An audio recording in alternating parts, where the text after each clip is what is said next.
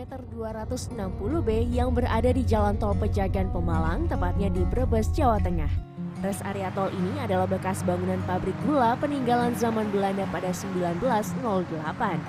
Tak hanya tampilan lokasi rest area yang instagramable, fasilitas yang tersedia di rest area tipe A ini juga cukup lengkap. Mulai dari pom bensin, klinik kesehatan, ATM, masjid untuk beribadah, toilet, toko oleh-oleh, area bermain anak hingga air mancur dan taman burung. Saat masuk ke dalam bangunan rest area, pengunjung akan langsung disambut oleh berbagai macam tempat makan.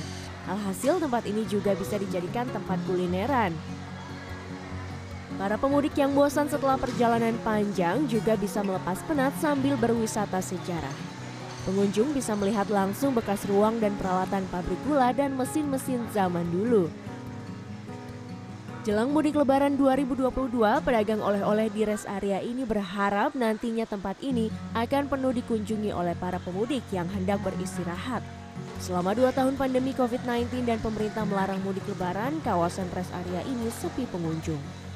Di sini berdampaknya lumayan banyak ya, karena kan nggak mudik berarti kan sepi, nggak ada yang datang, apalagi rest area gitu. Jadi ya kurang apa namanya kurang jalan gitu jalan, usahanya gitu ya semoga rame dan juga banyak yang beli gitu.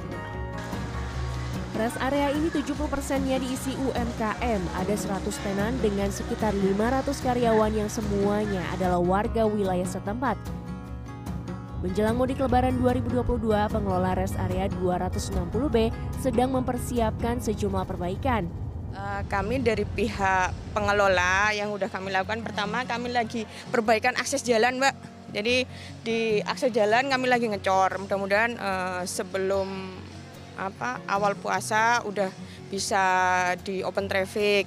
Kami masih tetap prokes ya mbak ya untuk pengunjung uh, untuk mewajibkan uh, prokes. Yang mampir yang uh, usianya tua kami menyiapkan peminjaman kursi roda. Saat mudik lebaran nanti, salah satu posko keamanan akan dibangun di rest area 260B. Jika terjadi kerumunan, pengelola akan menutup dan mengalihkan pengunjung ke rest area selanjutnya. Tim Liputan CNN Indonesia.